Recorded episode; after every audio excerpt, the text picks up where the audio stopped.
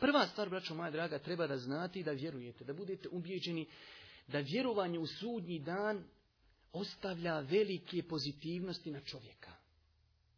Vjerovanje u sudnji dan ispravno i potpuno ostavlja mnoge pozitivnosti na čovjeka i njegov život. Jer zamislite, čovjek kada istinski vjeruje, da će biti u kaburu, da će biti proživljen, da će biti na mahšeru, Znači ići preko siraču prije. Da ima samo dvije opcije, džennet ili džehennem. Za tu neće ostaviti traga na čovjeka. Hoće čovjek ukrast, u sudnji dan. Hoće popit, o čitanje knjige na sudnjem danu.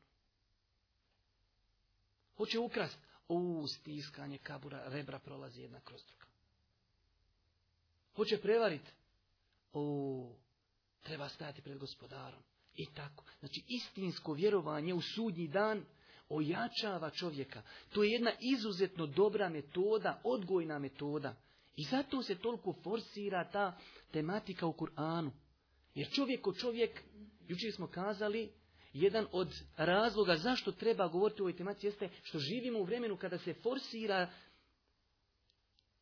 opipljivost, materija. E zato čovjeku treba nešto da mu balansira život.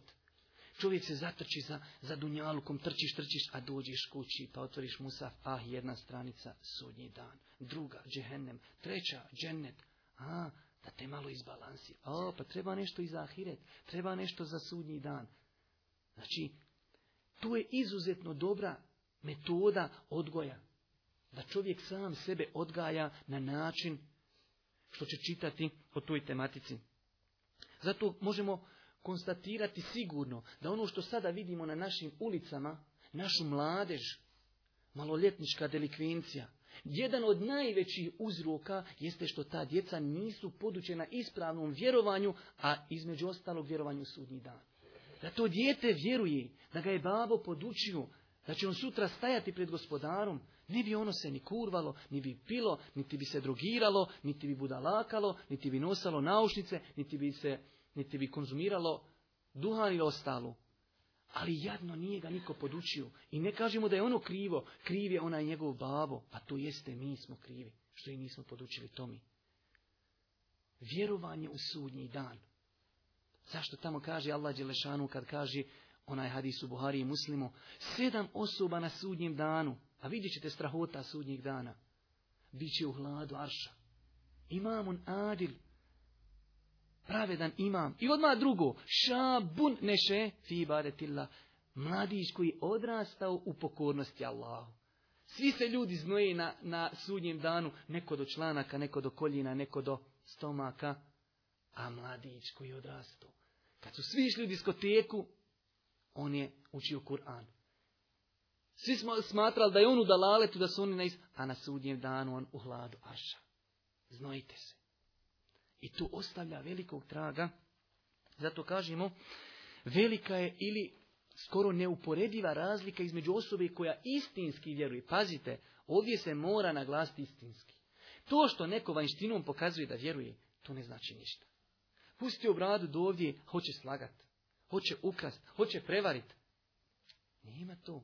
Istinski da vjeruješ da ćeš biti u kaburu to nam pokaži, da ti istinski se pripremaš za taj dan. I to je, vraću moja draga, definitivno, definitivno jedini način kako se može čovječanstvo spasiti iz propasti koja svakim danom sve više guta ovo naše društvo. Ne ovo, cijeli svijet. Jedino što može spasiti dunjalu kod propasti i čovječanstvo jeste islam.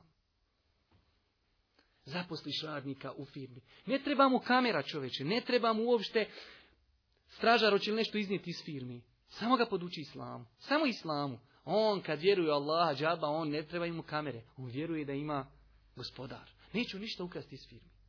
On će doći, čuo sam, na vrijeme. Ako nije došao, će krati, ja sam kasnije 10 minuta. Neće da uzme bespravno ništa. On zna da pišu meleki. To što ti nisi vidio vlasnik firmi, on zna da ima melek koji piše. I to je jedini način kako se može čovječanstvo spasiti. Nema kamera, Ne možeš ti ko hoće napraviti nered. Vi znate kada je koji godin u Americi koliko par sati samo nestalo struje. Sve banke bela je herlač.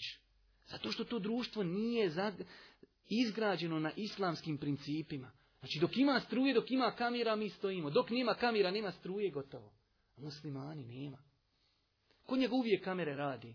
Kod njega uvijek meleki pišu i on se boji Allah Zato kažemo ova tematika ima izuzetno velikog traga na čovjeka i njegov svakodnevni život.